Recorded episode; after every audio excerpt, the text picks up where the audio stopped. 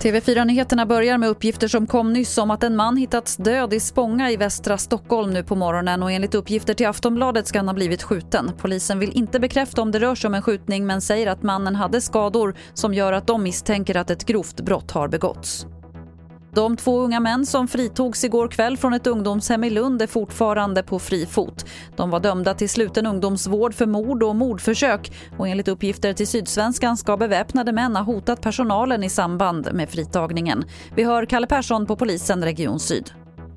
Vi försöker se var eh, de har sina kopplingar. Det kan ju vara enkla grejer som släktingar, var de är skrivna och liknande. Men även vilka kontakter de har. Det kan ju vara flickvänner, det kan vara kumpaner, det kan vara vänner, eh, arbetsplatser och liknande.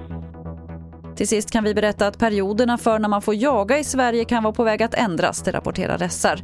I ett nytt förslag från Naturvårdsverket föreslås utvidgade jakttider på dovhjort, kronhjort, rådjur och älg bland annat. Det föreslås också en permanent licensjakt på gråsäl och knubbsäl.